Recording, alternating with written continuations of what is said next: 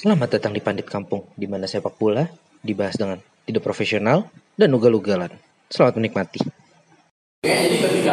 Ya halo assalamualaikum. Uh, balik lagi nih ke Pandit Kampung nih. Buat episode kali ini kita beda nih apa uh, pembawanya beda nih. Kali ini gue yang bawa Panji yang bawa. Uh, buat episode ini kita kedatangan satu temen kita nih dari apa nama podcastnya mas? Pot ngangguran. Nih pot ngangguran nih. Ah, apaan tuh?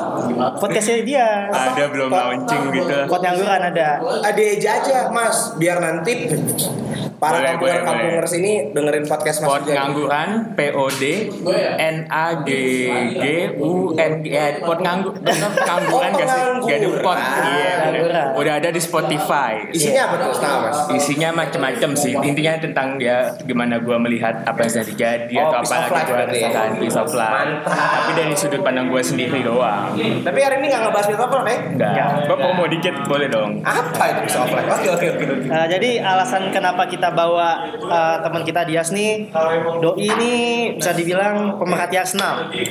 Gunners lah Gunners. dulu ya kasih Jadi kita uh, buat episode kali ini kita mau bahas mau bahas tentang Arsenal nih. Aduh. Tim yang bisa dibilang musim Nggak. ini ajaib gak spesial-spesial banget, cuma kok posisinya bisa di tiga dan beda satu poin sama City. Parah, Parah. Jadi parah. kita mau bahas Arsenal buat segmen satu. Right. Mungkin kita mulai dari yang empunya tim dulu ya. Oh jangan. Oh jangan. Yang punya tim bela diri aja. Oh gitu. Kita menghakimi. Boleh. Oh, kalau bela diri gue belum tentu bela diri di posisinya. Tapi kalau bela Gio bisa. Iya. Bela aja. By the way hari ini kita nggak ada Granita. Nggak disponsorin Granita. Kita lagi di salah satu cafe dekat Dinos. Kopinya bukan saset tapi brewer. Brewer. Sekali gue datang ginian tempatnya. Nah, oke. Eh, silakan siapa dulu yang mulai? Yang mau mulai tentang Arsenal nih? Gue ya. Gua Ya, buat gue Arsenal ajaib ya. Eh, karena waktu musim kemarin itu isunya kan di musim ini Arsenal cuma punya budget transfer 45 juta pounds. Ya gue pikir set gimana cara bertahan hidup dengan cuma punya modal 45 juta pounds ya kan? Eh, oke lah gue juga nggak ada budget transfer bahkan ya guys. Karena gue di band band transfer dengan lawan-lawannya nih. Liverpool punya sumber daya yang oke MU oh jangan nanya itu tim belanja mulu tapi prestasi nggak ada. Iya iya iya iya iya iya. Terus juga City dengan gila-gila. eh siap Selalu. siap. Nah tapi cuma beli itu eh, Lu- eh, ini Sebalos itu pinjaman ya? Pinjaman. Eh, siapa? Siapa yang Pape PP, PP PP bukannya Saka tuh? Akademi. Akademi? itu Martinelli. oh Martinelli terus sama ini yang yang paling brengsek. Oh yang satu lagi paling brengsek. Muhammad eh, Irfan Diaz nih. Anda membajak backside yang terakhir. David Lewis Agent Lewis ya kan? Nah tapi Magicnya bisa peringkat tiga walaupun liga baru berjalan ya. Nah buat gue sih di sini ada kelihatan Nuna ini dan maksudnya dari tahun kemarin kalau dari lini serang itu kan front three-nya kan Miki ya?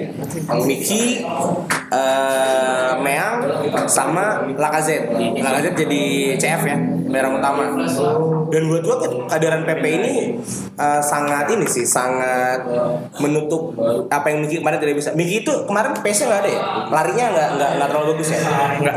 Nah makanya PP ini kan emang cut inside kan tipikalnya cut inside dan emang menutupi apa yang kemarin Miki kurang. Dan buat gue sangat magic Dani Ceballos ya. Eh, yang pernah membawa Spanyol muda itu juara Piala Dunia dibeli sama tim penghancur pemain Real Madrid. Meredup dan dibeli lagi oleh Arsenal dan wow amazing banget buat gue. Jadi buat gue tahun ini sih kayaknya emang racikan Emery sesuai sih. Tim ini sesuai sama racikan Emery. Itu kalau menurut gue. Kalau yang lain gimana? Untuk Arsenal sendiri. Eh, Panji ya. Masuk ya. Eh, sama kayak tadi gue bilang, ini tim aneh kalau gue bilang. Eh, Arsenal punya summer transfer window yang bisa dibilang tiga bulan. PR-nya adalah mencari defender baru bisa dibilang. Tapi kenapa satu transfer window end up sama David Luiz? Yang kalau gue bilang picknya udah habis, picknya udah lewat. Kalau mau bahas David Luiz, peaknya dia itu zaman Pildun 14. Sekarang kayak ya gitu aja men ya. David Luiz gitu. Sereliable-nya dia masih unreliable gitu. Masih bisa shaky lah kalau gue bilang bahasanya. Dan PR-nya juga dia bukan pemimpin kalau gue bilang di Arsenal.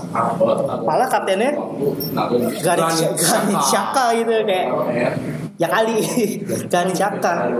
Terus juga gue mempertanyakan gini, kenapa eh, kalau gue bilang ya tadi Imo bilang Dani Ceballos Magic. bisa bilang Magic kalau gue bilang Dani Ceballos belum spesial kalau menurut gue. Eh, gue ngeliat Dani Ceballos itu impactnya gede, tapi nggak dari starting eleven kalau gue bilang. Gue lebih suka dia main dari bench. Kalau gue, kalau gue, gue masih prefer kalau misalnya Emery mainin Mesut. Gue masih prefer dia mainin Mesut. Walaupun kalau kita lihat kondisinya sekarang nggak tahu kenapa hubungannya Mesut sama Unai ini itu unik juga buat dibahas. aneh tuh karena menurut gue pemain kualitas tengah di Arsenal yang punya kreativitas tinggi Mesut doang gitu. Enggak ada Ramsey yang lebih aneh lagi di gue belum ngomong gak sih kalau kayak gitu boleh. Ramsey. tapi kan pindah pemain defense enggak maksudnya kan dari kata gue bisa ngomong terakhir gitu. Kami kan pindah. Ya itu itu lebih aneh lagi. Oh, kenapa kenapa keluar? pindah? Oh, dan gratis. Ah udah terus Eh. gue masuk kembali kan. Kenapa nggak mainin Mesut gitu loh? Kenapa main Ceballos Ceballos bagus cuma kalau menurut gue dengan Liga Inggris seperti itu ya lo nggak bisa mainin Ceballos dulu nih. Pun sama dengan Nicolas Pepe hype-nya tinggi banget. Ah, bisa dibilang kan itu kalau nggak salah ini ya apa transfer tertingginya Arsenal ya rekor ya? Iya. Rekor ya Nicolas Pepe sih 870 ya? apa sih? 72 72 juta pound sterling apa euro 72 juta rekor. pounds kayaknya deh pound sterling ya Rekor. Wow. rekor rekor kita bukan Dedi Sugar Dedi Club coy Sorry. Sugar Daddy Club. Iya. Eh, mungkin mungkin butuh proses ya karena kan pindahnya juga dari Liga Petani gitu. Betul. Dari Liga Prancis Nicolas Pepe yang kalau gue bilang mainnya juga nggak spesial-spesial banget dribbling cut inside tendangannya melenceng ke atas. Kayak gitu tuh biasanya dia main tuh. Jadi otomatis Arsenal kalau gue bilang cuma satu yang main yang benar-benar konsisten Pierre Emerick aja Pierre Emerick aja yang paling paling eh, paling stabil lah mainnya Lacazette juga masih jarang di starting lah ya Enggak, sekarang lagi cedera emang. Oh, lagi cedera ya? Itu emang main-main dan cedera. Ya, jadi ya paling yang yang yang yang konsisten dia Aubameyang sama tengahnya paling Guendouzi. Tapi Guendouzi juga angin-anginan kalau gue bilang mainnya. Guendouzi iya. Di tengah tuh bener-bener kontrolnya Guendouzi. Uh, kalau ini Bommel ya, ya. Tapi kalau gue kalau Bukan Torreira. Oh no. Torreira malah nggak dimainin. Enggak. Dan lu tau Torreira kan dibeli buat jadi DM. Dan musim lalu tuh berhasil. Musim pertama Number six ya, dia number sama ya.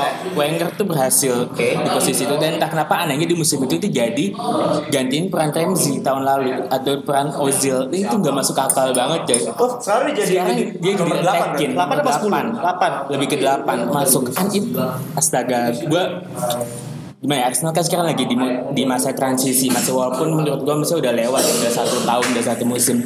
Yang mana kalau mau dibandingin sama Chelsea dulu Conte satu musim juara langsung kan. Yang yang mana kalau di si senior Emery ini entah kenapa udah satu tahun udah satu musim masih belum nemuin dan ini pasti semua fans Arsenal yang nonton week in week out tuh setuju belum belum belum ada playing stylenya coy. Enggak enggak. Dia dia tim, Karena- dia tim Wenger soalnya. Ya, gue gue gue gue bukan tim Wenger sih. Ya, iya cuma gue masih merasa kalau Wenger tuh masih diberlakukan tidak adil gitu. Dia berhak satu tahun musim kontraknya lagi dihabisin. Kan kemarin itu gimana ya? Awalnya kan Arsenal tuh udah lagi di musim-musim terakhir Wenger tuh udah semua fans divided kan ada yang pengen Wenger in Wenger out dan itu udah, udah terlampau keras banget perbedaan di keduanya itu kalau di Indonesia kayak cebong sama apa Ya, cebong kampret. Enggak beneran sih. Iya, iya. Kalau di dalam Arsenal fanbase sendiri itu udah segitunya udah kayak wah lu, lu kalau belain Wenger dikit lu Wengerin terus semua semua negatif tentang Wenger lu pasti nolak padahal nggak ada gitu ini trik juga. ya? Iya, makanya itu itu yang bikin suasana di dalam dressing room, di dalam di luar stadion kalau di Arsenal fans club TV itu gitu-gitu. Itu tuh panas dan ya nggak kondusif lah kan se- sekarang semua pemain punya sosial media, punya Twitter, punya apa pemain kan juga baca dong zaman sekarangnya gitu. Itu kan juga entah gimana tuh di otak pemain pasti mempengaruhi gaya permainan juga dan segala macamnya gitu.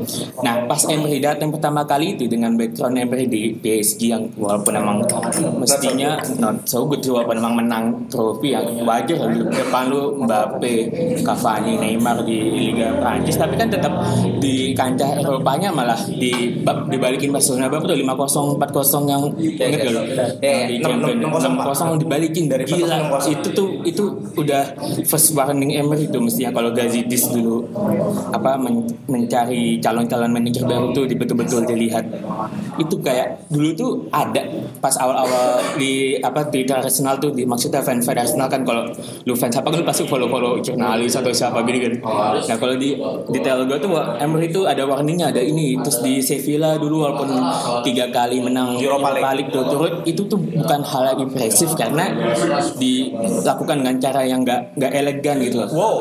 Karena eh, sebelum di Se- Sevilla tuh dia di mana? Gitu, Valencia atau mana? Klub kecil. Atau Enggak di Liga Spanyol tapi udah divisi utama. Jadi jadi kondisinya gini, udah di Copa del Rey kalau nggak salah. Final lawan Real Madrid. Itu lagi 1-0 menang lagi winning. Terus deh setelah itu menang dan ini persis sama yang terjadi di Arsenal sekarang. Contohnya kalau lawan Watford kemarin itu. Lagi menang 1-0 ya Seri. sama yang waktu itu lawan Watford eh, 1-0 nih lawan Real Madrid. Dengan pemain-pemain waktu itu kok nggak salah masih ada Joaquin masih ada Mata Silva di klubnya. Emery itu klub apa? Gue udah lupa gue Valencia.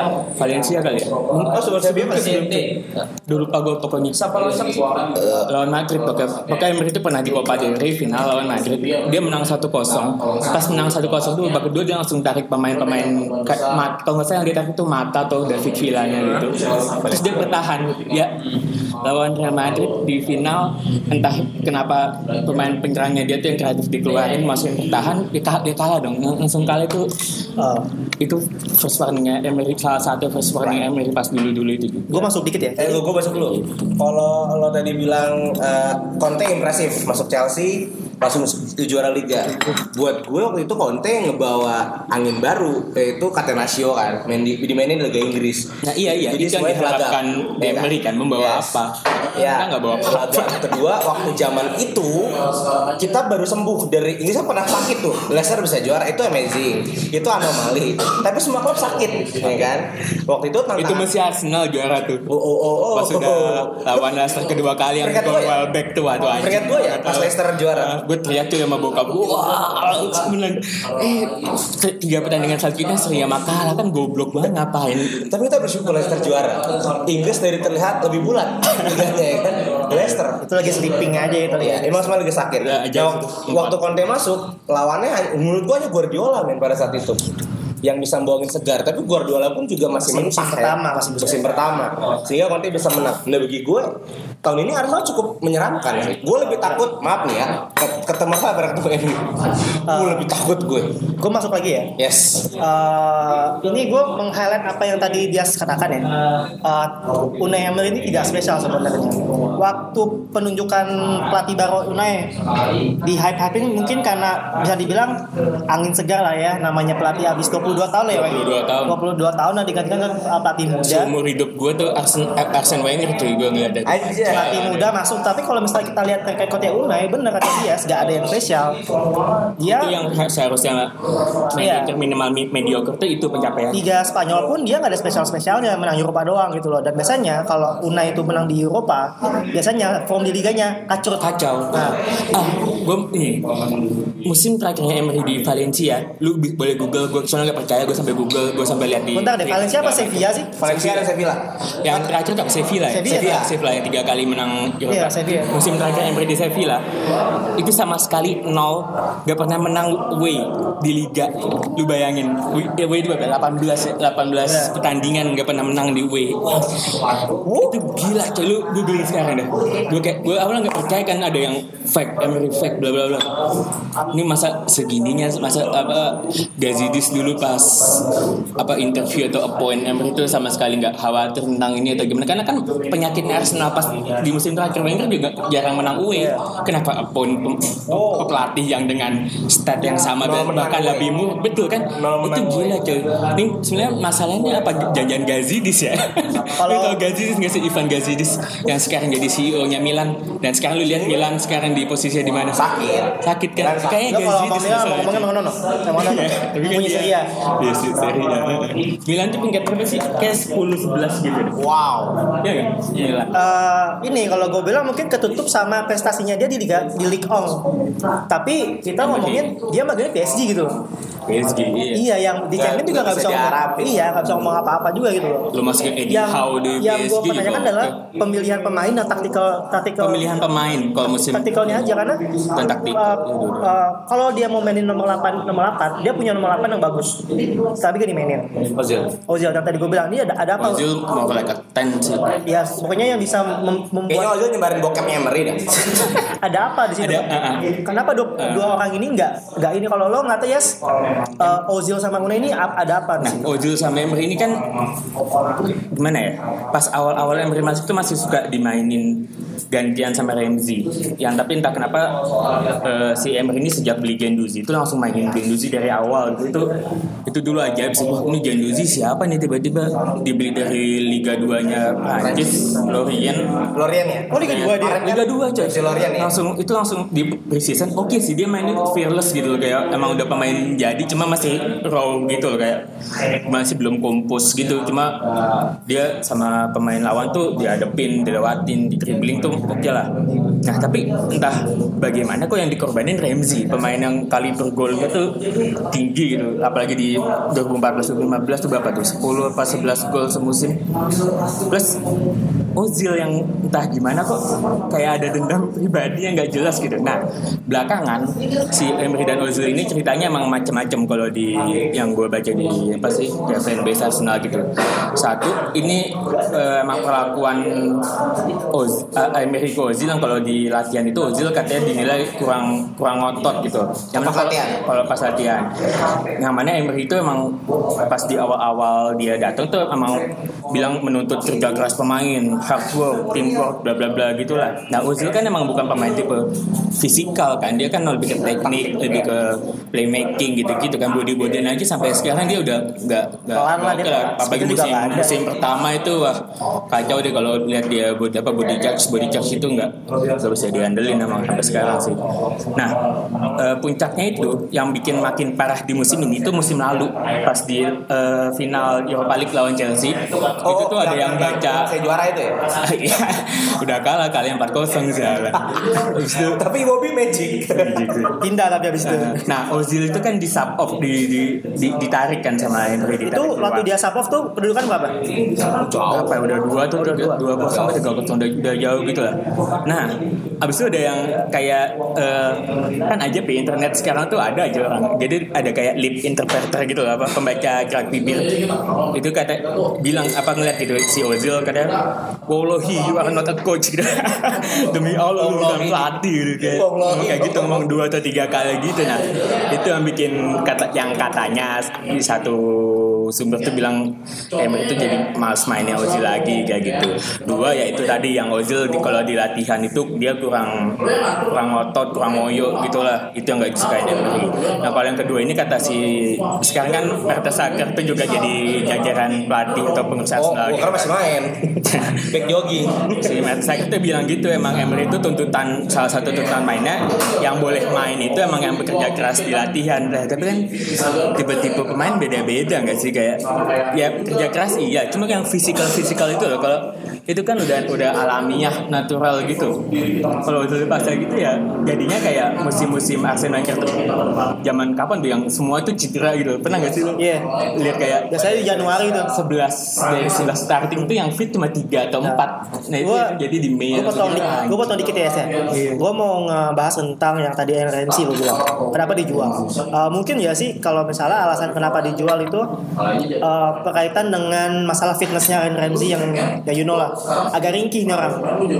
bisa jadi macam-macam sih yang kalau Ramsey dijual itu ada yang bilang karena eh, fitnessnya ada apa record cedera yang bisa panjang-panjang. Yang kalau satu musim dia paling maksimal tuh 20 sampai 23 pertandingan gitu sekitaran segitu doang. Kan semusimnya 38 kalau di lig- liga doang kan belum sama champion. Champion boleh nggak champion gue piala piala piala piala liga. Oke. ya FA Eropa Carling gitu lah. Nah eh, satu tuh eh, rumor kenapa Ramsey dijual satu-satunya ya Emery nggak senang sama fisikalnya si Ramsey dua itu eh, Emery itu nggak mau atau jajaran direksi Arsenal yang sekarang bukan Emery mungkin. Kayak si Sanlehi Edu sama siapa lagi tuh satu lagi tuh eh, nggak mau kasus wage structure kayak eh, Sanchez dan Ozil itu terulang lagi gitu. Yang mana Ramsey kan musim lalu itu emang udah kontraknya udah mau habis, udah mau diperpanjang. Itu tuh emang berbelit-belit tuh. Dari satu musim udah mau habis tuh emang udah udah kenceng tuh nih. Mau di mau cabut, ini mau perpanjang, cabut perpanjang, cabut perpanjang itu kayak tarik ulur gitu kayak terus tiba-tiba udah nggak pembicaraan lagi ya udah feeling dong wah nih lepas nih lepas nih lepas nih.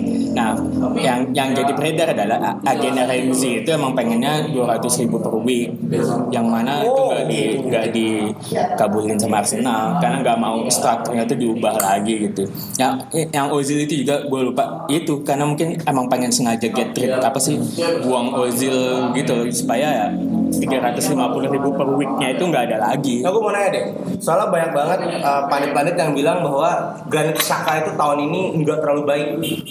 Bahkan dua tahun dua tahun kebelakangan juga nggak ada Ya, banyak bahkan dipertanyakan menjadi kapten.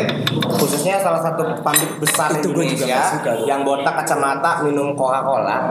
Mas juga tahu pasti Mas Dias nih. Justinus Yes, dia sangat membenci Granit Xhaka. gue Menurut lo Granit Xhaka tahun ini gimana performanya? Kapten nih. dia emang selalu kacau si Saka tuh ada yang bilang tuh Saka emang bukan pembelian Wenger gitu pembelian Gazidis tuh siapa gitu loh karena memang berdasarkan stat berdasarkan statnya stat apa statsnya di Bundesliga tuh bagus. Lu coba buka YouTube deh. Ada tuh sampai perbanding di musim-musim terakhir Saka di Liga Jerman tuh Saka versus eh, siapa? Sabi Alonso. Judulnya tuh The General Midfield Head to Head. Lu bayangin di, di umur berapa deh? Saka 2-3 tahun lalu 24 23 tahun tuh bandingannya di saat itu tuh Sabi Alonso. Dan itu yang bikin tuh bukan akun football sport apa Bundesliga yang bikin. Wow. Bundesliga. Kan mungkin di Bundesliga mainnya sebagus itu. Mungkin cocok atau gimana nggak nggak ngerti juga sih. Tapi pas dimasukin ke Liga Inggris kok dia banyak blundernya. Banyak bikin foul-foul nggak penting nggak jelas gitu. Dan mau dibilang wah ini emang karakter apa kayak Mancunian atau apa yang eh, tough guy emang nggak juga. Dia nggak use yang dia lakukan itu useless gitu kayak nggak usah lah kayak Xhaka lagi kan bagus banget. bagus kan di, Zeka bagus di- banget.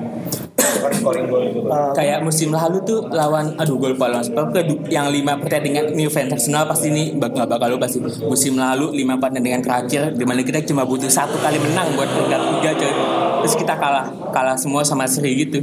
Terus yang di last last minute Saka bikin bikin Saka dan Mustafi itu du, du- kanker dua musim, musim lalu Mustafi dan Saka tuh kanker musim lalu tuh. Entah gimana tuh Saka tuh kayak ya udah nggak ada angin nggak ada oh lawan Brighton apa gue nggak salah tiba-tiba tackle di dalam kotak penalti aja gitu kayak kayak ah iseng ah gitu terus jegal pemain lawan Ah kalau gak kasar gak seru. Heeh, kayak gitu gue mikirnya tuh betul-betul kayak gitu kalau nggak itu antara dia emang iseng atau goblok aja gitu gue bingung banget terus ya udah bobolan penalti satu sama aduh astaga itu gue wah gue udah nggak nggak bisa ke atas sih deskripsiin lima pertandingan terakhir musim lalu Arsenal. Oke. Nah, Ahmad sama Yamin sama Steven udah masukin nggak? Oh itu gue masuk lagi ya. Eh, mungkin tadi kita ngebahasnya tentang bisa dibilang eh, pelatih pemain pelatih pemain. Nah, gue gue ada sih positif Emery ada gue nanya tentang sekarang manajemen atas ini. nah iya iya itu gue pengen bilang sebenarnya. Manajemen mulu. efek Enggak, karena iya, penting, karena Itu ini penting karena penting. Contohnya contohnya udah udah banyak. Gak usah gue sebut lah ya siapa ya United. Ya, Ya. Ceplosan deh. Lu tau United yang paling anget gak sih yang apa Chevrolet yang deal iya Chevrolet itu? cabut. Cabut. iya mau cabut. Ganti apa katanya? Tata Mobile. Tata Mobil. Oppo. Gak, gak, dan, dan yang ngusulin di Chevroletnya itu kayak apa sih? Brand manager Chevrolet itu dipecat. Gara-gara melakukan deal itu. Deal overprice gitu. Ada dulu. Oke kembali ke main topik. Hah? Eh, lo ngelihat relationship Arsenal manajemen Stan Kroenke ya. Nah, itu gimana Karena kalau gue lihat sebenarnya uh, protes kepada kawan-kawan ini udah dari zaman Wenger sebenarnya. Iya gak sih? Terus Iya. sampai sekarang juga. Nah, kalau lo ngerti gimana nih sebagai fans?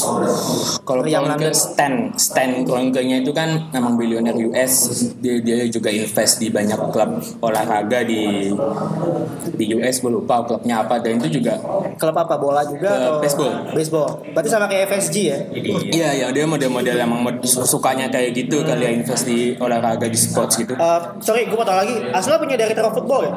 Sekarang baru tahun ini. Oh, baru tahun ini, Director oke. of football itu adalah jabatan yang dari dulu ditolak sama Wenger. Oke. buat ada Iya, karena iya. menurut dia buat apa kan? Iya, iya, Gitu. Oh, dulu gak punya Nggak punya baru tahun ini Edu.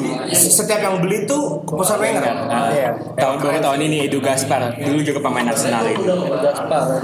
Tapi bagi gue Lele. pemilihan Unai Emery ini dari manajemen Arsenal tuh terlalu baik sih. Lu, lu bakal bilang Emery bermain dengan ah, oke dia dengan bermain formasi dengan rapi, ah, dengan metode latihan yang keras, bahkan beberapa pemain PSG dengan sebuah nama eh, kewalahan dengan metode latihannya. Tapi bagi gue emang bermain dengan rapi, eh, dengan daya fisik yang memang kuat, yang itu yang dibutuhin sama sepak bola. Lu nggak bakal bisa bikin enggak terlepas dari semuanya merah 2005 2006 membawa Lorca Deportivo masuk ke promosi untuk divisi 2 Almeria 2006 2008 eh, pertama kalinya promosi ke La Liga. Habis itu bawa eh, Valencia 2008 sampai 2012 ke tiga be- apa tiga besar berturut-turut. Walaupun sempat gagal di Spar- eh, eh, Sparta Moskow balik lagi ke Sevilla dengan bawa tiga kali berturut-turut piala UEFA. Bahkan treble untuk internal di Paris ya bersama PSG itu bagi gue dengan catatan yang baik.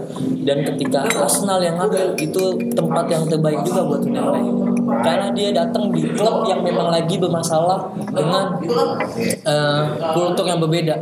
Dia akan mengubah kultur itu ketika di eh, ketika eh, Wenger hilang ya 22 tahun. Udah berjaya di, di, eh, apa? Arsenal. Bahkan lu mesti tahu juga Wenger pun datang dengan eh, dengan basic. Oke dia punya punya punya kejayaan di Mono, eh, Monaco. Dan dan dan tiba-tiba Jem- pergi, pergi ke Jepang. Dan bawa metode Jepang untuk ke IPL dan meraih kesuksesan di awal-awal ya bagi gue Neymar nggak ada yang salah sih kalau lu bilang Gundozi itu dimainin gue akan lihat dia memang punya mentalitas untuk main Nggak, gue nggak gue nggak bilang mem- mem- memainkan Genduzi itu salah atau bikin gimana. Mana bagus itu menunjukkan kepercayaan kepada pemain muda yang diperlukan sekarang. Ah ya, bahkan dengan pemain muda yang Arsenal punya itu memang punya kualitas yang tinggi ya bagi gua. Mata, mata, mata, mata, mata, mata bahkan mata kita ngomong Valencia deh. Mata buat eh, gua masih ingat dulu dia bermain dengan eh, dengan gaya cepat. Gimana bagusnya di bola itu karena juga salah satunya dari Demra ya. Jeli, jeli melihat dia bagi gue datang ke Arsenal ya memang Arsenal tepat cuman cuman Liganya sih metal. cuman bukan cuman memang cuman memang mana- nggak disokong dengan manajemen yang baik Oh itu gue gue nggak setuju kalau manajemen yang baik. karena bagi gue kena ketika manajemen bergerak sebelum bursa bu- sebelum bursa transfer dinyatakan eh, datang dia tiba-tiba beredar datang kabar kalau Arsenal eh, ngeluarin dana hanya 40 juta pounds. Eh, walaupun gue nggak percaya dengan itu sekelas Arsenal pasti lebih. Nah, dengan sekarang datangnya ke Balos dan lain-lain ya memang buktikan kalau Arsenal pasti lebih lah dalam hal finansial. Jadi standar lu manajemen grup itu adalah dengan eh, adanya isu kalau budget transfer Arsenal itu cuma 45 juta doang. Karena gitu. lo akan bisa lihat Arsenal akan ada lini yang bobrok. Sekelas Arsenal gue nggak melihat eh, back dengan kualitas tinggi. Uh, gue setuju. Oke oke oke oke lu bakal bilang Socrates, David Luiz memang memang dia punya mentalitas mentalitas mentalitas yang baik. Tapi lu bakal bisa lihat dulu dia punya Adams, dia dulu punya uh, So Campbell dengan kualitas ya, dan dan dan menjadi timnas. Back terbaik Arsenal. Mertesacker. ya memang memang memang terbaik di dalam di dalam masanya mau sekarang. Bagi gua Arsenal ada ini yang memang mesti dibenahi nih. Lu akan bilang Arsenal oke Unai Emery nggak bisa bermain dengan pola yang baik ya lu mesti lihat juga cedera kadang datang untuk kubu Arsenal. Bellerin dengan dengan salah satu fullback terbaik di dunia mungkin. Kecepatan dribble semua crossing. Bagi gua memang kadang kadang pelatih nggak akan bisa memainkan dengan sesuai apa yang dia mau ketika badai cedera bakal datang. Nah, uniknya di Emery ini ada pemain yang bagus, ada bukan bagus, ada pemain yang potensial di Ozil, di Ramsey dulu, di Lacazette pas awal-awal juga, dan ya apa ya hebatnya, sarkas hebatnya tuh sama sekali nggak dilirik gitu. Bahkan Ozil yang sampai sekarang di bench saja tuh jarang-jarang angin-anginan. kalau ini opini gue ya, ketika penyerang lu dengan kapasitas yang lu punya kecepatan, oke Ozil bisa memberikan bola bola bola bola bola indah untuk dia. Tapi balik lagi, Ozil nggak punya stamina dan nggak punya fisik atau daya juang yang lebih kuat daripada lu bisa lihat kayak nggak uh, perlu kalau tipe-tipe kayak Ozil. Karena bagi gue nggak akan perlu, tapi itu jadi peseimbang. Ketika penyerang lu, lini penyerang lu, dem, dem, deman, uh, Lacazette gue akan bilang dia pasti stay forward. Dia nggak akan mau defense. Abu Meyang pasti akan bertahan di setengah garis. Lacazette itu diplot kayak Firmino di Liverpool Iya. gitu loh. Iya kan? Dia ke belakang terus tapi dia Ah, hold, tapi- holding ball terus dia passing. Nah, tapi dia tetap dia tetap dia ketika Arsenal diserang dia nggak akan mau lewat garis uh, dia nggak akan mau balik secepat mungkin. Masalahnya Emery itu nggak mainin itu, Mit. Emery itu nggak mainin wing, dia tuh nggak main wing. Wing itu nggak dipakai. Lu coba lu tonton. Kapan kapan kita ada kayak counter yang oke gitu kayak dari belakang misalnya apa eh, eh, back Arsenal dari belakang dapat bola terus kasih ke tengah terus langsung puing. Cutback atau apa langsung menghasilkan sesuatu enggak. Itu bakal diputer-puter aja. Itu kayak dia main dia main apa sih? Kayak main aduh gua memang apa memang, namanya gitu memang lah. formasi yang Nggak- dia punya dia pemain rapi. Dia pemain rapi semua pemain rapi. Bukan bu- bagi gue ya yang gue lihat memang dia nggak suka dengan dengan memanfaatkan wing ya. dia nggak suka. Nah, tapi di balik itu semua untuk untuk nggak mainin Ozil gue ngeliat karena Ozil nggak punya nggak punya nggak punya fisik terbaik gitu. Makanya terlepas lu akan bilang uh, Unai Emery nggak butuh itu tapi memang itu dibutuhin. Ketika garis pertahanan diserang eh, dengan dengan gaya eh kita akan bilang dengan gaya City dengan gaya Liverpool yang akan jor-joran untuk nyerang Ozil pasti punya eh, punya punya punya ruang atau posisi yang dikasih sama Unai Emery untuk bertahan. Tapi oke. Ozil Unai Emery nggak ngeliat itu. Karena apa? Unai Emery nggak butuh gelandang yang memang punya passing doang tapi bukan eh, bagi gue dia butuh juga pemain yang daya juangnya toh ya kayak Bonja, bon, apa? Bondazi Bondozi. Bondozi sama satu lagi kayak Balos kadang main. ketika memainkan pemain tipe-tipe kayak gitu semua Arsenal nggak pernah menang mit. Dia mainin tipe-tipe apa? Kita sebut istilah pejuang yang Hmm, punya iya, skill iya, itu iya, iya. dia pernah mainin Saka, Torreira, Genduzi itu Iya. pelang warrior apa Iya, coba? iya, iya. nggak pernah menang. Dan itu dimainkan di home lawan Bournemouth. Tiga defensif midfielder itu ngapain? Itu itu tim mediocre. Itu Iya. bukan sekelas Arsenal kayak gitu. Nah. Itu kan dari kalau sudut pandang apa ya? orang yang bukan nonton Arsenal week in week out dan bukan bapak 10 tahun belakangan tuh emang getol banget. Nah, gue nonton Arsenal dari dulu tuh dan emang terbiasa sama istilah Wenger Ball itu yang tiki taka adalah Arsenal. Sempat ngalahin Barcelona juga 2-1 di puncak jaya masih Xavi Iniesta. Dan ini emang kemakan banget sih. Wenger tuh pernah bilang kayak apa bahasa Indonesia itu kalau lu udah terbiasa sama kaviar lu bakal gak bakal mau balik lagi ke sosis. Nah sekarang ini Arsenal lagi dapet sosis sosisnya cuy makan kaviar, sekarang nggak- makan sosis. Iya, Wenger tuh nggak bilang kalau lu kalau lu udah terbiasa makan kaviar, lu nggak bakal mau balik lagi ke sosis. Nah, buat gua yang dari dulu Wenger ball masa-masa Wenger melatih tuh di puncaknya ya, itu kaviar coy. Dan sekarang Emery itu bawa sosis-sosis doang ada yang buat gua tuh nggak bisa makan sosis sekarang. Da- eh, kalau lu kalau lu bilang itu Emery dengan Arsene Wenger memang secara secara strategi, taktik semua kalah. Semua beda jauh. Eh, Wenger dengan Ya, itu masalahnya. Iya, permainan memang indah.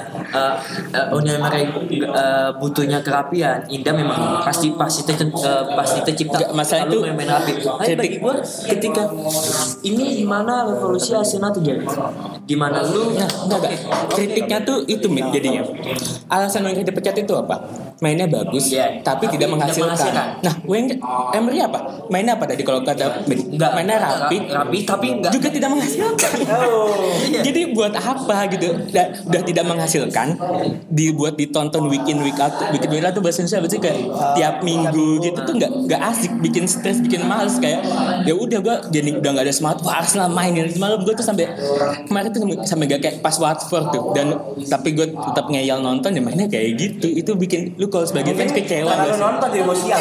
tapi bagi gue Bisa jadi. tapi bagi gue ya uh, Arsenal Arsenal di, di tangan Emery bukan sa, bukan salah Emery dalam hal taktik atau apa ya tapi kapasitas lini gelandangnya enggak Nah, ya ini gue gue belum sempat bilang baik baik baik ya Emery. Tapi tapi terlepas kalau misalnya Ozil main, gue gak gue gak akan menyampingkan Ozil dengan passing-passingnya ya. Gue gak akan menyampingkan itu memang terbaik. Tapi Emery melihat yang lain gitu. Ketika Liga Inggris butuh fisik, Ozil tidak menyampaikan itu. Walaupun terlepas karena kita nggak mesti pakai fisik ya untuk untuk untuk untuk dapat bola-bola yang kejangkau dengan baik. Yang- bahkan otak pun bisa ya. Bagi gue jangan mungkin setahun atau dua tahun lagi Emery ketika dia dapetin gelandang yang sesuai dengan permainannya dia, dia bakal dapet jadi pemain yang lebih baik. Dan lu melihat itu Uni Emery bisa membawa Arsenal jauh lebih bagus. Kalau di Dengan jangka sekarang ya. pemain yang datang. Satu dua pemain ya. kita ngelihat dalam bisa transfernya ya Dan jelas kita belum Arsenal belum belum tahu Saliba bakal kayak gimana karena Saliba langsung di Saliba. William Saliba pemain muda 18 tahun di tip jadi next Varane Ya. next, next Varane jadi lu kalau baca media-media itu next dan bodinya jadi 18 tahun nah tinggi bisa gitu. transfer ke depan nanti Nah, nah, dengan dengan nanti masuk Saliba dan sekarang belum tahu Masih di eh, loan ya? masih di loan balik ke Saint Etienne. Belum tahu sekarang ini mungkin akhir Oktober ini eh, back kanan kiri be- apa Bellerin sama Tierney balik. Terus Lacazette juga belum balik. Sebenarnya emang bisa aja sih. Nah gue belum bilang bagusnya Emery nih bagusnya Emery adalah ketika dengan permainan yang gue bilang yang nggak ada bentuknya abstrak gitu. Yeah. lu kalau lihat gol Arsenal itu semua nggak semua lah mungkin 80 85 Bang, gue persen. ngeliat yang MU itu ngaco. 88 persen itu cuma personal brilliance men. Bukan bukan bukan yang dilatih di dilatih di di latihan. Bukan kayak kalau lu lihat Chelsea sekarang en- udah enak udah enak kan lihat Chelsea main. udah enak buat wah ini udah fluid. Nih ini ini udah udah udah udah jelas sih Lampard tuh maunya apa. Nah kalau lu nonton Arsenal lu lu nggak bakal lihat itu. Gue jamin lu nggak bakal lihat itu. Lu cuma bakal lihat gol yang kalau tadi saya balas dibilang asis itu asis apa nih? Asis itu kayak gini. Model misalnya pemain lawan di sepertiga sepertiganya lawan sendiri tuh lagi bawa bola. Habis itu dia passing tapi passingnya itu nggak bener. Terus ya udah ada Sebalos Sebalos di sana sama Sebalos tuh itu dia gak, gak intercept cuma cuma naruh kaki doang di depan bola. Terus kakinya bolanya itu mantul ke Aubameyang. Ya lu tau apa yang terjadi kalau udah kaki di apa Aubameyang dapat bola di sana ya gol udah gitu asisnya kayak gitu. Dan kalau dibilang Sebalos eh, brilian atau apa enggak enggak enggak brilian sih enggak enggak se Fabregas brilian enggak cuma apa kayak Kim Kallstrom tau gak lu? Kastrom, peminjaman Cuma jelas. satu ya satu level di atas Kim Kallstrom dulu lah. tapi gue akan gitu doang. gue gue gue gue akan melihat pola permainannya Arsenal akan berubah ketika dia datengin Ruben Neves dengan Ruben Neves? Ruben Neves dengan dengan semua kultur yang dia punya Gundozi lagi lagi ya walaupun Nah, saya posisinya Ruben Neves udah diambil Genduzi. nah Enam kan? gua gua akan lihat Gundozi itu akan balik ke DMF Di mana? Sekarang dia Enggak. Oh, eh. Neves Ah, tuh roaming dia. Ruben Neves, Ruben Neves, Ruben Neves bermain dengan CMF. Dia CMF. Berapa? Gua gua bisa ngelihat dia dia bermain di situ. Bahkan ketika Ruben Neves bermain dengan Ozil pun masih bisa gua ngelihat sesuatu hal yang jelas Uni Emery mau bermain dengan rapi bahkan kalau udah rapi keindahan dia bakal nyusul ya. Gua ngelihat kalau Arsenal berani untuk ngeluarin duit untuk Ruben Neves satu gelandang akan akan lebih rapi bermain. Kedua eh, passing-passing untuk penyerang lebih mantap.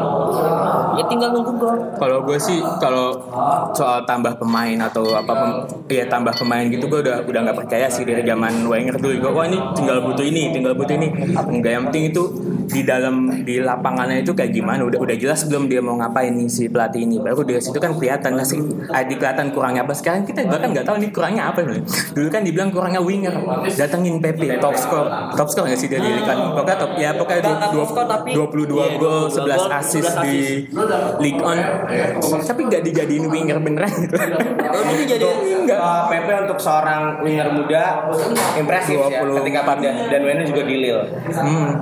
Ya. Cuma ya, ya gitu sih. Eh, kalau PP ya emang gue, gue, masih sabar sih sebenarnya. Cuma gue gue gue mau jadi jangan-jangan PP ini cuma ini ya apa marketingnya One doang. oh iya Walaupun emang dia dia dia bisa didukung fakt apa status app statsnya di Yes. statistiknya di Liga Liga satu Prancis sih. Cuma kalau lihat mainnya sekarang tuh masih kayak gue lebih excited Gervinho loh. Bukan bukan excited datangnya cuma pas lihat mainnya tuh Gervinho pas awal-awal datang tuh lebih lebih ada flare-nya gitu dibanding sama Pepe. ya itu bedanya Emang Wenger Gervinho ya. mukanya jelek sih. Asis. Ya, enggak, enggak. Ada ada ada yang menarik tuh dulu tuh jangan-jangan Gervinho tuh sebenarnya enggak enggak seburuk itu cuma karena tampangnya doang. Jadi di- dulu kan masih zaman risingnya meme, meme inget gak? Zaman-zaman dulu kan meme masih wah. Pel, pel, pel, pel. Terus terus apa uh, Gervinho itu ya lu tau gak sih yang meme yang korden tapi Iya, iya. kepalanya Gervinho. Ah, ah. itu tuh dulu lagi kayak gitu-gitu ya mungkin kalau menurut gue Gervinho itu enggak enggak seburuk itu cuma ya pas lagi masa-masanya ada gicak-cakannya. Tapi bagi gue itu beda kelasnya Unai sama Wenger sih. Wenger jeli untuk melihat pemain di mana Henry Berdup di Serie A di bersama Juventus 6 bulan. Iya. Diambil Arsenal jadi terbaik. Inter diambil dulu Beckham dari Inter tahun 9. Sembilan. 9. Tapi bukan sama Wenger. Iya. Eh, bukan 99 berarti 95, 95. Cuma beda sama Wenger. Masih George Graham, masih Bruce Rioch.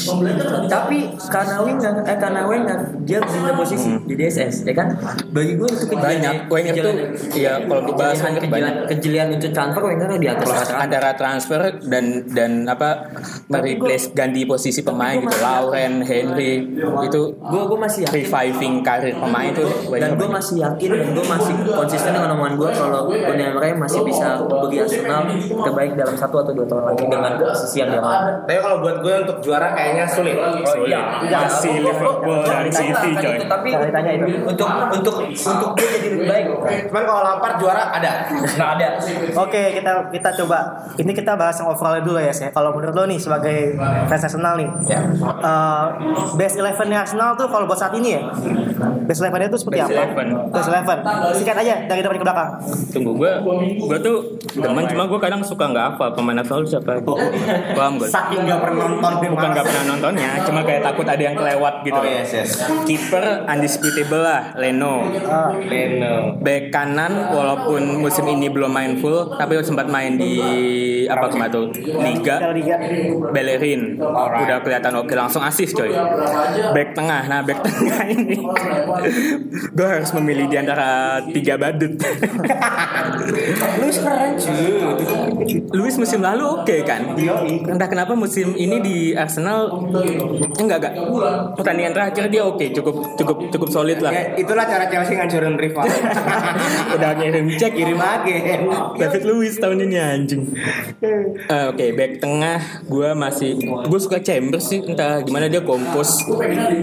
Dia nggak tenang juga sih cuma lebih meyakinkan daripada Mustafi. Jadi gue back tengahnya gue go with Chambers sama Chambers Wah, juga lagi naik. sah nih. Socrates no. Socrates tuh suka teledor juga kan. Rob Holding. Yang mendingan deh, yang mendingan deh, ya man. Yang mendingan aja dah. Susah coy. Gue Luis deh Chambers sama Luis. Oke David Luiz. Back kiri Tierney. Bodo amat masa Itu di FIFA keren banget. ini siapa Kolasinak Kolasinak badan gede doang sih yang kemarin dia di mau ditusuk gitu Tapi dengan daya di apa eh, daya juangnya gue demen banget loh. Hah? Next midfield. iya tengah apa nih formasi ya berarti ya empat dua tiga satu deh gue Oke. Kapten, kapten. oh kapten kapten mestinya kalau nggak Bellerin gue Aubameyang Bukan maksud gue masukin kapten lu. Kapten lu udah masukin. Oh. Enggak.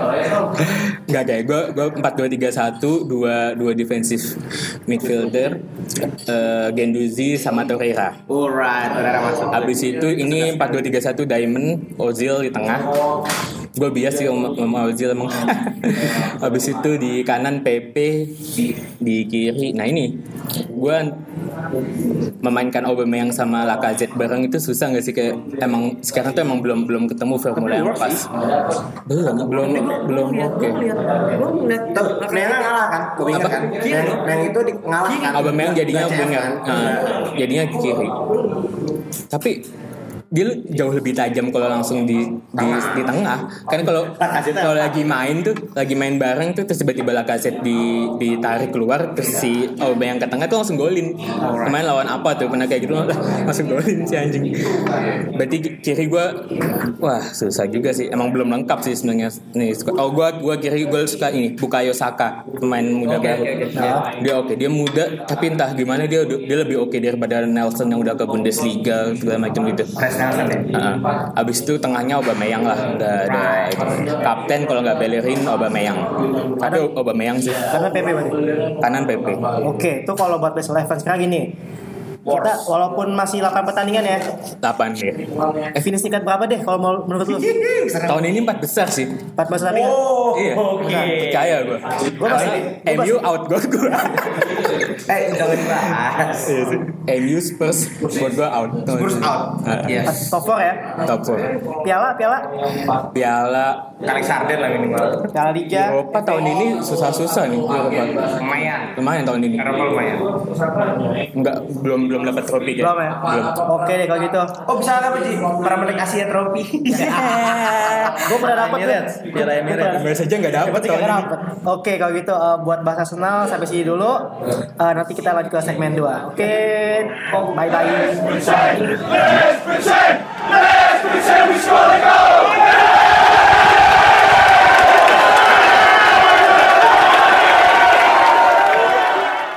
Ya, eh, kita mau bahas segmen 2 nih eh, lebih ke trivia sih. Kita, jadi kemarin kita habis dan kita mau bahas tentang eh, peraturan 50 plus 1 di Bundesliga.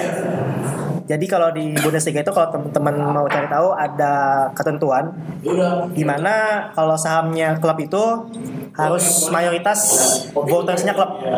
Yang biasanya sih orang-orang klub yang punya ya. Jadi kayak eh, apa namanya supporter lah kalau bisa dibilang supporter supporter menjadi voters gitu. Nah jadi kalau misalnya kalau kita lihat faktanya di Bundesliga attendance paling tinggi itu di Liga Top Eropa itu yang megang masih Bundesliga Karena tiketnya murah. karena satu tiketnya murah dan bisa dan ada aturan itu. Tapi aturan itu juga bisa dibilang seperti menjaga uh, relationship antara klub dan fans.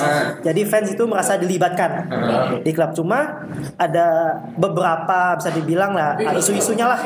Di, di di dalam peraturan ini kayak ada contohnya klub yang notabene ada ada ada embel-embel apa ya uh, produk luar negeri misalnya. Red, Red Bull di RB Leipzig walaupun kepanjangan RB-nya bukan Red Bull. Present Ball. Fashion Ball. Jadi uh, uh, uh, ini namanya uh, penjelasan singkat aja ya. Jadi kalau di Liga Jerman itu biasanya yang megang uh, saham itu namanya voters. Nah, voters tuh bisa satu klub tuh bisa anggotanya beribuan-ribuan orang, ada seribu, ada seribu voters atau gimana. Nah, uh, niatnya adalah menjaga originalitas klub. Jadi uh, mau klub yang mau ke mana kek, tetap fans yang punya, fans yang dilibatkan. Makanya kalau Itu banyak banget ya. Iya. Fans yang diutamakan. Rencananya sampai Fans yang 290 ribu voters. Nah, jadi Wow. biasanya ribuan, tetapi ada juga klub yang votersnya dikit. Nah, nanti itu kita bahas di belakang di agak di belakang nanti. Yes. Ah, mungkin ada teman-teman yang mau nambahin kali. Ada yang pro kah, ada yang kontra kah? Kalau gue sangat kontra sih jujur ya. Karena kalau menurut gue ya aturan ini menjaga originalitas sepak bola, menjaga koneksi klub dengan fans. Ya lu apa kontra apa? Kontra. Kontra. Gue nggak, sebenarnya gue agak terganggu sama aturan ini. Kalau kalau Imo pasti kontra karena Chelsea. Nah, tim gue tuh karena uang. Karena dia dapat Abramovich. Yes. Kontra karena Abramovich. When Inggris dapat Russian money, Arab money, gimana nggak berkembang? Oh, dapat Arab juga deh. Enggak, maksud gue Inggris, Inggris, Oh, Inggris, Inggris, Inggris. Mungkin Malaysian money juga kali Malaysian ya. money bahkan, Ya. ya. Ini langsung develop banget ya. Seingat gue itu medio 90 sampai 2000 era Chelsea lah kebangkitan ya. Itu buat cuma setahu gue ya tim yang mayoritas juara cuma dua Arsenal sama MU. Ya, mungkin ada Blackburn ada lain-lain. Hanya dua. Ketika Russian Money datang, change everything berubah. Nah, masuk ke Jerman. Kita bisa lihat berapa impresifnya Leipzig ketika eh, ya ini kan tim yang yang dibilang melanggar ya, melanggar 50 plus one. Dia escalated quickly loh. Dari dia dari Liga 3 kalau nggak salah tuh. Masuk masuk Liga 2, masuk Liga 1, peringkat 2 dan sekarang masuk champion. Ya dong. Buat gue gue iya oke ini menjaga originalitas eh, sepak bola ya tanpa bisnis. Tapi gue sangat setuju dengan bisnis sepak bola men. Jangan jauh-jauh. Yang baru saja merubah filosofi sepak bolanya, yang rubah lambang, rubah lambang. Juventus, Oh. ya kan? Kita mereka masuk ke ketika mereka masuk mungkin di era 90 mereka dibeli pemain mahal banget nih. Tapi ketika masuk ke bisnis mereka beli CR men. Ya emang akan kepake sih untuk permainan. Tapi buat gue tuh ada faktor bisnisnya. Jelas. Nah buat gue ketika ownership itu tidak dikuasai oleh mayoritas mayoritas Jerman dan ada uh, luar luar dari luar negeri investornya, buat gue klub itu pasti akan rubah view. Sekarang lihat deh, cuma Munich yang mendominasi.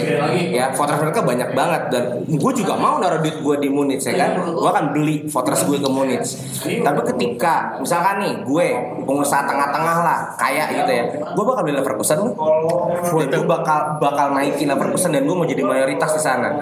Karena Leverkusen kita tahu dia mencetak banyak pemain baik ya kan dan buat gue ketika gue misalkan nih ya pengusaha atau pengusaha mana pun itu membeli Leverkusen dia bisa jadi kontendernya Munich di Liga Kita balik dulu deh. Voters tuh fungsinya dan manfaat jadi voters tuh apa sih? Eh, jadi gini, jadi gini sebenarnya uh, voters Iya, itu maksudnya bisa sejauh dibilang, apa, menentukan ya, apa aja. Yang punya final say. Jadi kalau misalnya satu, kalau kita ngomong saham ya, Iya. perusahaan punya saham nih, kan biasanya ada ada share-share nih, lo berapa persen, berapa persen. Nah biasanya orang yang punya share dominan, share uh, dominan lah, dominan lah, itu bakal punya final say.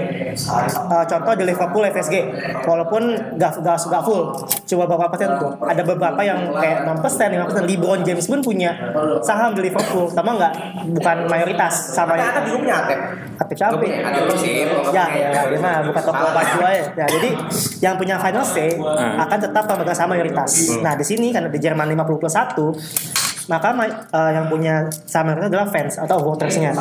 Nah, dan harga menjadi voters pun nggak mahal di Jerman biasanya. di mana Di Jerman, di Liga Jerman. Eh, Dortmund cuma sekitar 30 euroan. Makanya mereka, maka- makanya mereka punya eh, punya voters banyak ribuan. Nah, kalau sedikit info sebenarnya di Liga Jerman ada dua klub yang punya eksepsi di peraturan ini. Sama- Ada di Wolfsburg sama sama Bayer Leverkusen. Kenapa seperti itu? Karena juga apa? Hoffenheim juga Hoffenheim juga ya? ah Overheim juga punya set tapi dia baru tahun 2000-an Oh gitu. ketika miliuner Amerika datang bahasanya menyelamatkan Overheim Hmm, Oke oke oke. ya. Oke, jadi kenapa yang ini yang gue tahu yang dua klub ini ya. Jadi uh, mungkin nanti ada tambahan dari Imo juga. Jadi kalau kenapa Bayer Leverkusen kok bisa ada nama Bayernya padahal Bayer ini nama perusahaan obat gitu loh. Farmasi. Farmasi lah bisa dibilang. So, berarti Munich bukan punya Bayer Bayern. Bayern Munich Beda loh. Bayer dan Bayer Bayer. dan Bayer. Ada N-nya. Munich ada N-nya. ownership. Beda. Beda. Lo pernah lihat obat Bayer gak sih? Kayak tahu. Nah, Nah, itu tuh farmasi udah dan dia tuh udah jadi kayak sponsor utama 20 tahun ke belakang. Jadi ada eksepsinya. Sama pun sama dengan dengan Wolfsburg yang megang tuh Volkswagen uh, mobil. Bahkan di logonya ya. sama. Iya di logo. Bayer Leverkusen kan juga ada bayarnya di logonya. Nah, Oh iya ya. Pertanyaannya adalah kok RB Leipzig bisa? Nah jadi logonya juga ada loh ada logonya, ya, walaupun banteng doang ekspresifnya. Maksudnya bisa tapi tapi padahal dia baru gitu. Iya, jadi eh, kalau sedikit info, jadi dulu tuh Leipzig namanya juga bukan RB Leipzig, namanya nama Jerman ribet lah, gue nggak tahu apa namanya. Ini di divisi 3 Divisi 3 Yes. dan masuk dan eh, mereka tiba-tiba merubah sistemnya. Nah di Leipzig ini kenapa bisa dengan nuansa Red Bull jadi votersnya mereka ini nggak sebanyak tim Jerman lainnya. Tim Jerman lainnya tuh votersnya bisa ribuan, sedangkan di Leipzig ini voters tuh cuma tujuh. Tetapi hak menjadi voters itu menjadi voters itu harganya mahal. sebut namanya Leipzig. Iya, cuma kayak satu vote, kayak satu voters itu Voters buat cuma? Dia menentukan apa cuma kayak harganya seribu. Seribu. Seribu euro. Jadi satu voter itu seribu. Nah isunya adalah tujuh voters ini itu orang Red Bull semua Orang dalam. orang dalamnya Red Bull lah bisa dibilang afiliasi lah dengan Red Bull jadi bisa dibilang walaupun cuma tujuh tapi yang punya mayoritasnya tujuh orang yang orang Red Bull ini jadi seakan-akan ya yang menjalankan ya Red Bull walaupun Tapi bintangnya Red Bull kenapa bisa eh, bermain rapi kayak gitu bagi gue karena dia juga beli di kasta 3 Ji. ya iya kembali Off the radar gitu ya. Liga, eh, dia berapa tahun sih Ber- cukup enggak sampai lima tahun atau enggak sampai empat tahun Iya. dia main Iya. Liga Eh, satu. Jauh. Karena duit. Duit. Karena duit.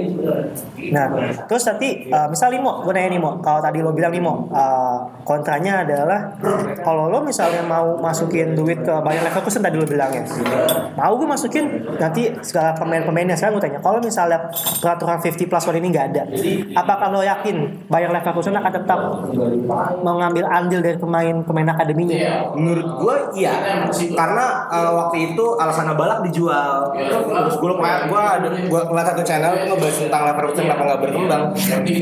Mereka butuh uang Untuk bertahan klub ini. Even mereka punya bayar Bayar perusahaan. Mereka butuh uang. Pada saat itu Leverkusen Waktu era Balak kan Itu sedang naik-naiknya kan. Sedang berjaya-jayanya. Tapi mereka butuh uang Untuk mempertahankan eksistensi mereka di Liga 1 Opsinya adalah menjual pemain Ya kan? Contoh ya Liga 1 lagi. Bundesliga. Bundesliga. Jangan Liga 1, Liga 1 Liga nggak jelas. kita banding sama Leicester. Ketika Leicester juara, alasan jualnya bukan karena uang. Pemain butuh berkembang. Ngolo Kante, Mahrez saya kira pindah, ya. Eh, itu mereka semua butuh berkembang, bukan karena uang. Oke, bahkan ketika Balak Statement dipindah ke Munich ya, setelah dari Leverkusen, mereka butuh. Gue lupa nih, malah pindah ke mana? Dia dia dia bilang gue mau stay dibayar, tapi keputusan klub harus menjual gue. Ya, maksud gue ketika ada foreign investment, foreign investment sorry ya Inggris gue agak-agak remet ya guys. Gak apa-apa. Eh, itu akan menyelamatkan ini, menyelamatkan eh, kejadian seperti ini gitu loh, ya kan akan Kayak firm. Mas ya. Oh, West Ham, West Ham. Iya, ini akan firm. Ini akan firm banget nih, klub kayak gini. Ya kan maksud gue itu loh, eh, yang agak gue kasih 50 plus 1 Ya kan karena kenapa?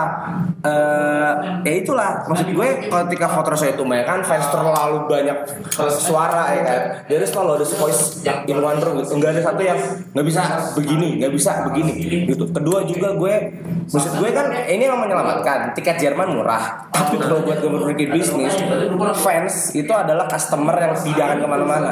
Oke kan. Ketika lo jual Berarti ini otak lo otak, otak bisnis lah ya. bisnis dong, karena Gua bola apa klub gue selamat dalam bisnis. Iya, iya. kan? Gue kalau gitu ambil stance-nya pro deh. Pro. 50 plus one kan? Ah, iya, gue gue pro deh. menyelamatkan sekali.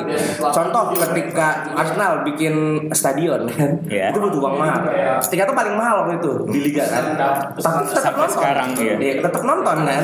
Bahkan season tiketnya di Jerman di Dortmund itu lebih mahal daripada eh salah Sekali nonton Arsenal itu lebih mahal daripada satu season tiketnya di Dortmund. Yes. Karena banyak banget di Jerman itu fans-fans Liga Jerman sponsor apa?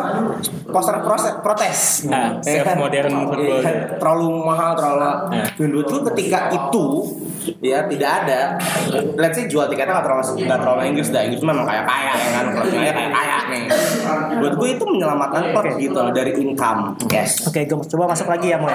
Gua kalau kita misal kita ngomong tadi kan aspek aspek bisnis lah ya dengan tiket mahal segala macam. Apakah tidak menghilangkan esensi relationship antara fans dengan uh, klub? Bisa dibilang di sini adalah uh, fans dijadikan customer si bisnis. Padahal kalau kita lihat uh, kultur sepak bola di Jerman, bisa dibilang fans itu keluarganya sepak bola. Keluarga Yes. mereka tuh uh, olahraga merakyat itu loh, olahraga yang bisa dinikmati oleh semua kalangan. Oke. Tidak hanya untuk orang yang bisa dibilang privilege lah punya uang lebih. Nah, kalau menurut lo gimana? Next ya, menurut gue gini.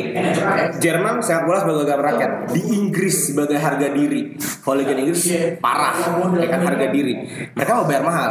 Ketika bayar mahal, klub punya kewajiban. Sekarang gini lah, kalau lo beli produk nih Nike, bagus lo bayar mahal. Lo pasti mau Nike kualitasnya bagus dong Nike harus pertahankan kualitasnya. Ketika mereka udah jual mahal Tapi menyajikan permainan yang tidak baik Cabut nggak dari nonton ke stadion? Pasti cabut dong. Itulah tekanan tekanannya klub itu. Gue harus kasih bikin klub bagus apa bikin klub jadi bagus nih. Perono harus bagus nih kan gue jual tiket mahal. Buat gue itu minimal akan menyelamatkan dari destination beli mainnya bukan lagi bertani bahasanya. Tapi buat permainan bagus dari pemain-pemain yang me- menuju bagus lah itu Oke, coba kalau buat ya coba dia tadi bilangnya pro ya. Gue pro tapi sebelum itu gue pengen apa kayak ngajak mikir kayak menurut gue be- bisa disamain gak sih Chelsea dan Leipzig? Menurut gue enggak loh. Karena kalau Chelsea dengan datangnya Abramovich datang dia langsung jor-jorin duit langsung beli langsung beli beli beli Shevchenko, Balak, bla bla bla. Iya ya. Ya tapi kalau Leipzig itu yang dilakukan dengan investornya itu dia dia lewat scouting gitu. Dia dia masih ada apa sih jalan yang ditempuh yang dibangun yang ya itu yang, yang jadi poin membangun hubungan dengan fans itu dengan pemain-pemain muda yang dia scout sendiri gitu. Maksudnya beda sama Chelsea gitu. Nah kalau gue pro-nya itu karena ya gue gue termasuk orang yang lihat sport itu ya karena gue udah apa mengalami masa-masa Wenger 9 tahun tanpa trofi itu gue gue bisa melihat kalau football itu sepak bola itu lebih dari more than just a game gitu loh. Ada ada aspek-aspek lain yang bisa dinikmati di sepak bola kayak lu wah pemain akademi lu sendiri tuh berkembang bagus atau kayak permainan lu tuh oke enak dilihat. Nah atau yang eh, contoh sukses tanpa investor luar tuh eh dia tanpa investor luar tuh nggak? ya? Lu tau ini nggak sih Atletik Bilbao? Dia, dia, dia kan dia malah malah tradisi yang sangat kuat dan menurut gue cukup berhasil. Eh, eh, bukan Spanyol doang, regionnya dia doang. apa ininya dia sam Kotanya. Kotanya dia doang. Ras, ras, ras, ras. Iya, ras, rasnya dia doang. Eh, eh. Ada pengecualian si siapa tuh yang backnya si Laporte itu kan ada emang udah dibeli dibeli dari sangat akademi muda juga. dari akademi juga. Home ground lah intinya. Home ground Oke, gitu. oke. eh. Pengecualian itu selama ini baru baru Laporte doang. Menurut gue itu ada salah adalah salah satu model alternatif yang bisa di apa klub bola lakukan untuk tet- bas, eh, eh. tetap tetap apa punya punya apa sih nilai heritage sendiri gitu dibandingkan langsung apa istilah instan sugar daddy yang luar gitu sih. Eh, baru Basko itu yang namanya aneh-aneh. Oke. Kayak para dulu balaga. Kayak Pak Arisa Balaga Balaga. Itu aneh-aneh. Oke, coba kalau coba dari insight lain coba mungkin yang ownernya US juga bermasalah nih. Gue juga bermasalah. Glazer gimana gimana? kalau menurut gue ya kalau menurut gue sih sepak bola itu bukan bisnis Oke. karena sepak bola itu kita Ironis ya datangnya dari fans MU loh. Iya. Iya. Ironis. Panji tadi Ironis sekali.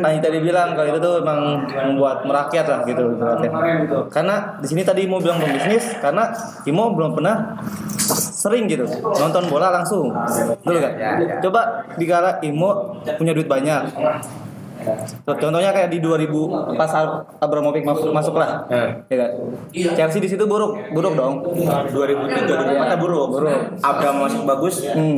setahun pertama musim pertama langsung juara nih Iya, maksudnya ya oh kalau nggak begitu banyak lah, buruk. ya nggak begitu banyak lah ya, karena ya kita dilihat nih kita sendiri belum pernah nonton, belum sering lah jadi penonton langsung. Karena masih Di nonton, stadion. iya, karena masih layar kaca. Coba ketika kita timnya udah maksudnya ya banyak lah duitnya gitu, cuman Bukan langsung lah ya. Iya, cuman mainnya gitu Jadi contoh, kasih contoh deh kalau nonton Persija dah. Ya, contohnya di sini lah lokal lah ya. Lokal, Ya, emang Persija lah contohnya gitu kan bukan supporter Persija nih. Ya asik. Betul gak? Reject, reject. Iya, reject. Iya, betul. Degradasi ya? Bisa- Apa? Degradasi. Ah, Enggak lah. Eh. Di saat timnya itu bagus nih. Timnya bagus, punya keuangan bagus, tapi cara mainnya jelek. Betul gak? Ya supporter, walaupun supporter itu banyak duit, walaupun supporter itu loyal, cuman supporter itu pasti ada keluh kesahnya dong. Iya. Kenapa klub gua bagus, punya keuangan bagus, tapi mainnya jelek? Terus juga Iya, supporter pasti bakal mundur iya, dong. realistis aja supporter mana peduli sih keuangan klub yang penting pemainnya tuh enak aja Yang mainnya penting mainnya bagus kan, entah itu apa Main bagus dan iya. ujungnya ada prestasi gitu. Betul. Yang penting itu prestasi. keuangan emang kita akuntan. Iya. Nah, nggak lihat dari bisnis atau enggaknya, yang penting tuh pemainnya itu ya bagus sesuai dengan yang kita harapkan gitu. Betul gak? itu kan pandangan dari lokal. Maksudnya gue bukan masalah MBC atau apa ya tapi kan lokal.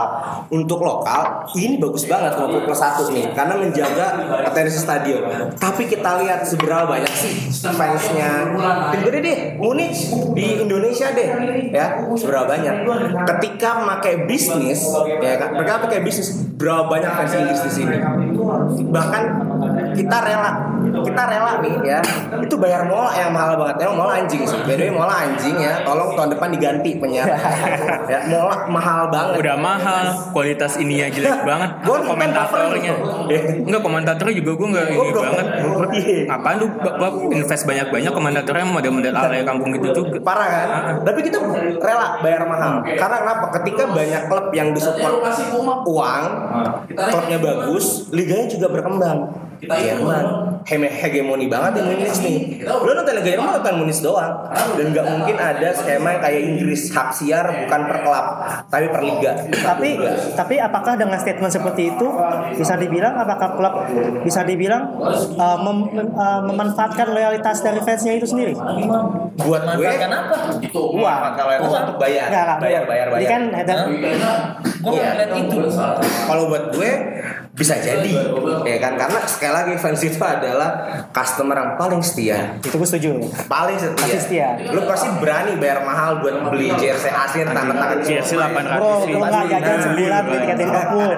pasti mau atau lu pasti rela even rumah lu di Jogja ketika Liverpool main di GBK lu pasti mau nonton Liverpool Nonton latihannya doang lu dateng. Iya? Ya kan, karena kita paling loyal. Nggak bisa diakal sih. Eh sorry kalau ngomongin tim pernah datang ke negara, maaf ya Min. Salahin teroris ya Min. Juve Oh iya, dia sempet mau dateng ya. Dateng kan? Datang, datang kita tinggal datang. Oke.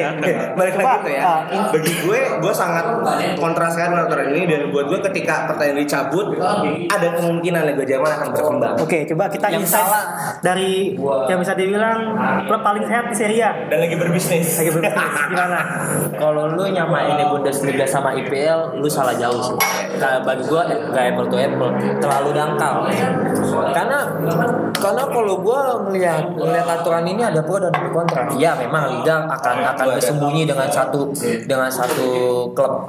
Tapi terlepas itu juga Dortmund pun pernah juara, Wolfsburg pun pernah juara dengan kapasitas yang dia punya. Ini ini bola bukan tentang bisnis, bukan tentang siapa yang lu beli, pemain siapa yang lu datengin, tapi ini tentang siapa tentang uh, konsisten yang lu tunjukin di lapangan. Itu yang lu mesti catat. Kalau lu bilang uh, Bayern Munchen uh, apa uh, klub-klub Bundesliga tertahan dengan aturan ini ya memang ya memang. Tapi balik lagi Bayer Leverkusen pernah champion final. Dortmund Bayern Munchen pernah final. Bagi gua kapasitas yang dia punya memang punya uh, memang memang memang layak untuk untuk untuk dibilang uh, terbaik. Ya kan 2013 ke presiden UEFA uh, menyelamatkan dan mengapresiasi dengan aturan ini. Terlepas di mana uh, A, IPL berlomba-lomba untuk menaikkan harga tiket, tapi dia dengan konsisten. Apalagi Uh, supporternya ya. mempertahankan. Iya. Supporter Dortmund. Supporter, uh, supporter terlalu terlalu nyaman untuk nonton sepak bola di, sta- di stadion gitu. Terlepas semuanya semuanya polemik pasti bakal tercipta gitu. Kayak klub uh, liga akan terhenti. Tapi di itu semua yang gue lihat sepak bola bukan tentang uang. Gitu. lu lu lu akan lu akan kehilangan duit banyak ketika supporter lu tahu kapasitas yang lu punya dengan harga yang mesti dikeluarkan tidak seimbang lu akan hilang. Makanya. Itu itu terjadi nih. itu terjadi Iya, ketika. Juventus melawan AC Milan Juve eh, Ju- Juve Juve Juve eh, banyak fans dari Juventus yang gue maksudnya nggak mau nggak mau nonton. Karena apa? meninggal. Dia udah meninggal. Eh, eh, eh, iya Juve Gila, banyak banyak yang menonton karena karena eh, kapa, apa kapasitas yang Juve kasih untuk supporter salah satunya tiket itu terlalu mahal. Dan kalau misalnya lagi lu bilang gue nggak ngeliat ada masalah Oke, di gue masuk dulu Min. Enggak, gue nggak gue nggak Eh, ngeliat gua masuk dulu nih. ada masalah sih Bundesliga Ketika lo tadi bilang gue ngebandingin eh, Bundesliga dengan IPL dari apple to apple, gue akan kasih liga yang menurut gue apple to apple. Australia Bundesliga. Selama 20 tahun Australia? Au- Austria. Austria. 20 tahun terakhir yang dominasi itu SK Vienna Hah? dengan ya SK Vienna dengan eh Rapid Vienna dengan S, eh, SV gue lupa pokoknya ada dua klub yang mendominasi. Ketika aturan 51 dicabut di Austria, tahu RB Salzburg? Iya. Lima tahun terakhir mereka juara. Ini membuktikan itu mengekang. Ketika dicopot, Red Bull itu masuk ke Salzburg, dia beli Salzburg, dia kembangkan timnya. Lima tahun terakhir dia juara. Oke. Kalau tadi bilang Oke, dengan oke, dan gue akan balikin, gue balikin mau liga Australia dicabut, Austria. Austria. dicabut mau kayak gimana pun, kenyataannya empat liga terbaik pun tetap Bundesliga. I know it. Maksud Terus? gue, maksud gue dengan aturan kayak gini bisa empat apa empat terbaik nih. Gimana kalau dicabut? Mungkin bisa mengalahkan Liga Spanyol kalau feeling gue nih ya. Mereka Kayak gitu. mereka masih punya jiwa atau soul yang eh, tetap dengan supporter diutamakan. Support kenyamanan supporter semuanya dalam hal segi suara, Kalau menurut gue tiket. emang masih belum bisa dibandingin sih antara IPL dan Bundesliga. Soalnya IPL sendiri kan itu juga Aksualnya tinggi banget coy. Enggak, eh, Belum main sebelumnya belum udah megang duit. IPL itu kan adalah bentuk bentuk pengembangan dari apa sih dulu namanya Liga 1 Inggris ya? Liga utama Inggris. Liga utama. Liga utama kan. Tapi bukan bukan IPL sebelumnya. IPL itu adalah bentuk komersialisasi Oh, iya, iya. yang saat ini kalau di konteks pembicaraan ini adalah tidak adanya 50 plus 1 itu komersialisasi Dan total. Ya, Serie A jatuh. Ya, Dulu dan tuh EPL. plus Dulu plus juga. EPL. Ah. Jadi BPL. Sekarang PL doang. Kalau BPL kan karena ada sponsor. DPL kan sponsor. Heeh. Maksudnya tuh kayak kalau untuk perkembangan liganya kalau di Liga Jerman 50 plus 1 emang emang pedang bermata dua sih. Jadi satu sisi emang bisa Sisi lu menghambat, bilang menghambat di satu tapi di sisi lu lebih lebih solid aja gitu di dalamnya. Oke, eh, closing statement deh kalau dari teman-teman. Yes. Gue masih pro soalnya itu terbukti regenerasi pemain Jerman tuh tetap oke nggak kayak Italia yang sempat kersumbat eh tersendat tersendat Eh, Steven, Steven. Kalau gue sih pro ya, karena di sini gue ngeliat ya sekarang gue masih di segi supporter. Supporter itu pasti mendukung timnya itu maju. Tanpa itu ada ya supporter itu pengen timnya itu maju. Entah itu ada pembisnis atau apa yang bakal merusak atau memaguskan itu di luar nanti. Yang penting supporter itu pengen loyalitas dengan timnya sendiri. Betul gak? Oke, eh, Gusti.